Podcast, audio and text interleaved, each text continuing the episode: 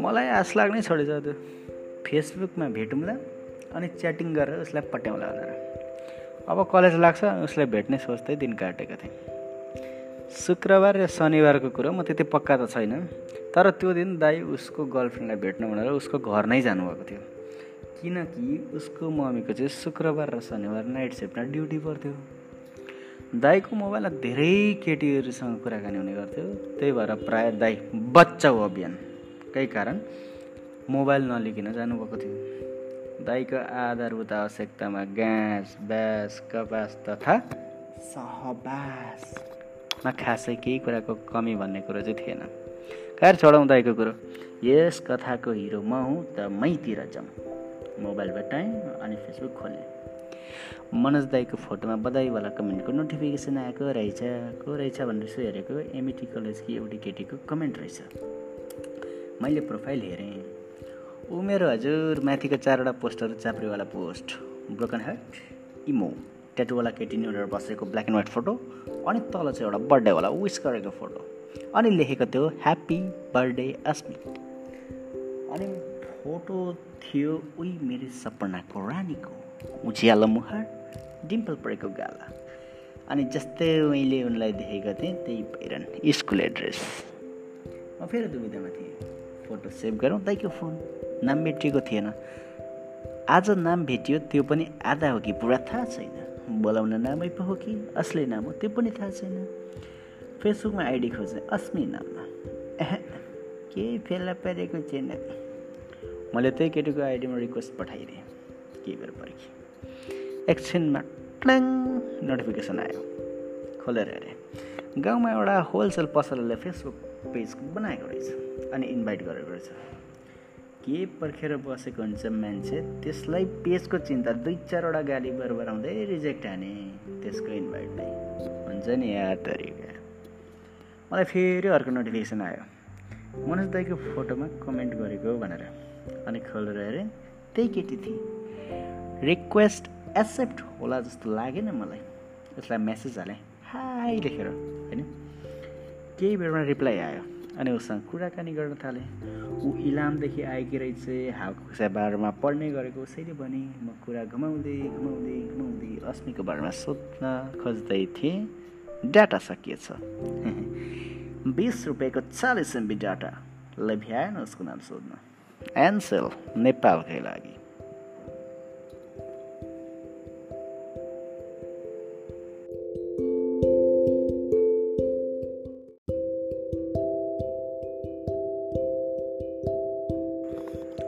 अनि डाटा तानेर म फेरि अनलाइन आएँ। उसले मलाई एक्सेप्ट चाहिँ गरेछ तर अघि नै अफलाइन भइसकेको छ क्या। त्यो दिन डाटाको नाच मात्रै भयो काम दिएन कलेज लाग्ने बेला भएको थिएन तर हामी घर पनि गएका थिएनौँ। किनकि दाइलाई त चिट्ठा परेको थियो हप्तामा दुई रातवाला। दाईको खर्च पानीको व्यवस्था राम्रै भएकोलाई गाउँ जाने कुरै थिएन। दाई नभएको बेला म फेसबुक खोल्थेँ अनि त्यही केटी अर्चनासँग जिस्किन्थेँ। तर अस्मिको कुरा सोध्न चाहिँ सकेरकै थिइनँ क्या। एक दिन उसको साथीको बारेमा सोधेँ। उसले भन्न थालेँ अलिअलि अलिअलि गर्दै म चाहिँ अस्मितिर लैजान थालेँ।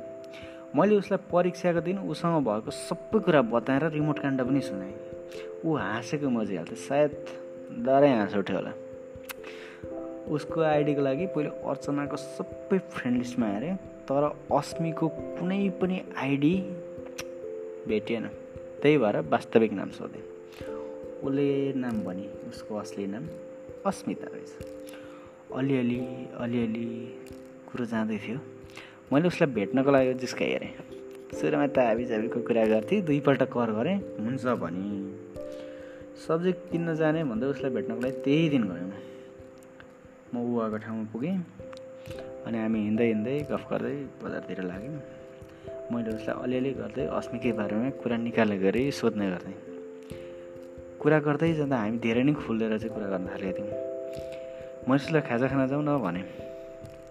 उसले नजाने भन्दा मैले जिद्दी नै गरेँ अनि लिएरै गएँ। किनकि मलाई मार्फत अस्मिको जानकारी लिनु खैर म उसलाई लिएर पार्टिसनवाला एउटा होटेलमा खान पुगेँ। ऊ त्यहाँ अलिक सजिलो महसुस भयो सबै कुरा हुँदै थियो। दुई प्लेट मोमो मगाएँ अनि खाँदै कुरा गर्न थालेँ अस्मीको घरमा चाहिँ तिनजना रहेछन् एक्लै छोरी बुवा चाहिँ नगरपालिकामा कार्यरत हुनुहुँदो रहेछ। उसको मम्मी चाहिँ गृहिणी अरे भन्ने कुरा आयो।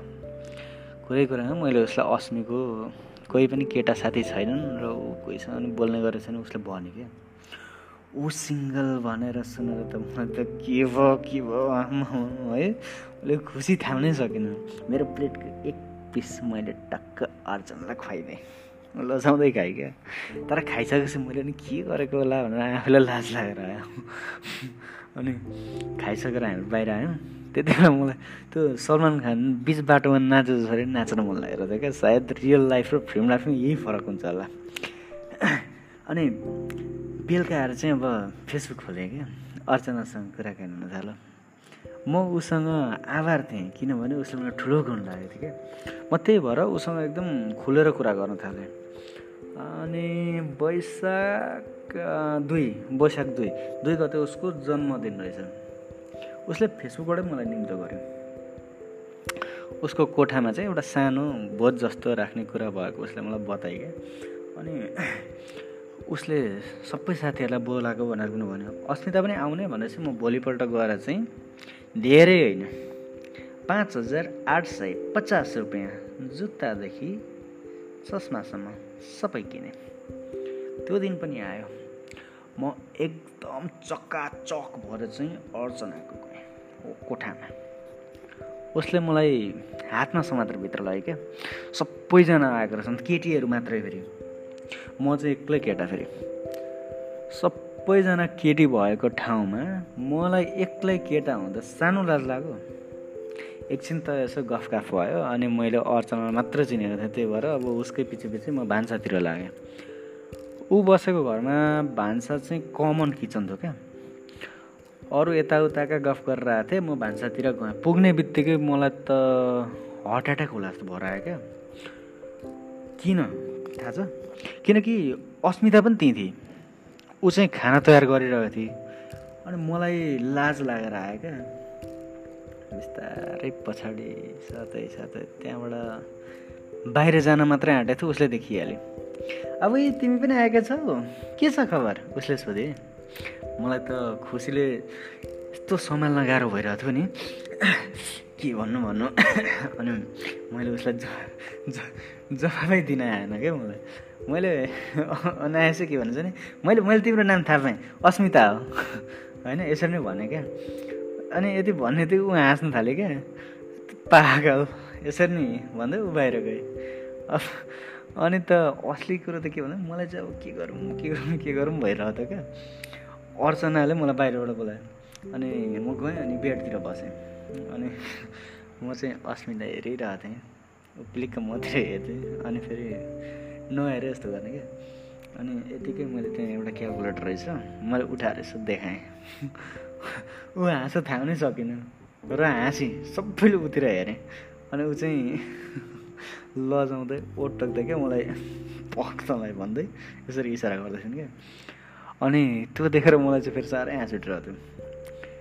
अनि त्यसपछि फेरि अर्चनाको बर्थडे मनायो अनि खाना खान थाल्यौँ। म उसलाई सकेसम्म जिस्काउँदै थिएँ। अनि पनि त्यसरी जिस्काउँदै थिएँ म अलिक धेरै नै खुल्न थालिसकेको थिएँ क्या। अनि खाना खाइसकेपछि यसो मतिर हेरिरहेको थिएँ अरू सबैजना आफ्नो आफ्नो उसले गफ गर्दै खाना खाँदै थिएँ। म यसले उसलाई बाहिर आउनको लागि इसारा गरेँ। उसले टाउको हल्लाउँदै नै भने अनि म बाहिर गएँ। अनि एकछिन बाहिर गएर पर्खेँ। उनी पनि बाहिर आइन्। मैले उनको हात च्याप समाउँदै अनि बाहिर लगेँ। उनी पनि म सँगसँगै आइन्। मैले जाउँ बाहिर एकछिन फ्रेस हुन भने क्या। अनि हामी बाटोतिर हलिँदै हलिँदै यसो कुरा गर्न थाल्यौँ मैले भने त्यो दिन किन नाम नभनेको तिमीले मलाई? मैले यसो सोधेँ। ऊ हाँस्न थालेँ क्या। अनि चिन्दै नचिनेको मान्छेलाई म किन नाम भन्ने?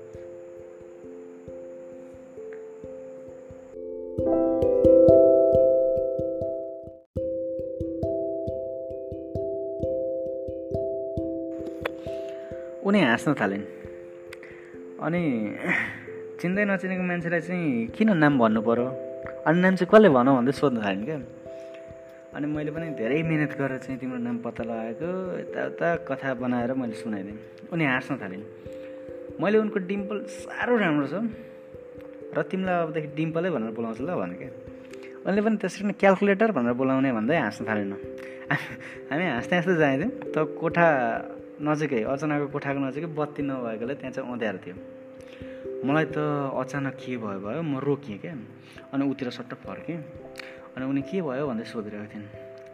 मैले उनको गालामा हात राखेको छु क्या हल्का उज्यालो म उनलाई देख्न चाहिँ देखिरहेको थिएँ फेरि। उनका आँखा ठुल्ठुला भएका थिए। म बिस्तारै उनको काप्दै गरेको ओठतिर आफ्नो ओठ लैजान थालेँ। उनी लट्ठ परेर हेरिरहेको थिइन्। म पनि डराउँदै डराउँदै किस गर्न जानेको थिएँ मेरो लाइफको पहिलो मन परेको मान्छे अनि पहिलो किस। ओहो म कति भाग्य भने रहेछु। मैले उनको गाला अनि त्यसमा बढेको टेम्परेचर। अनुभव त म गरि भइरहेको थिएँ। मजा लिइरहेको थिएँ क्या। तर अचानक पछाडिबाट बाइकको बत्ती बलेर आयो।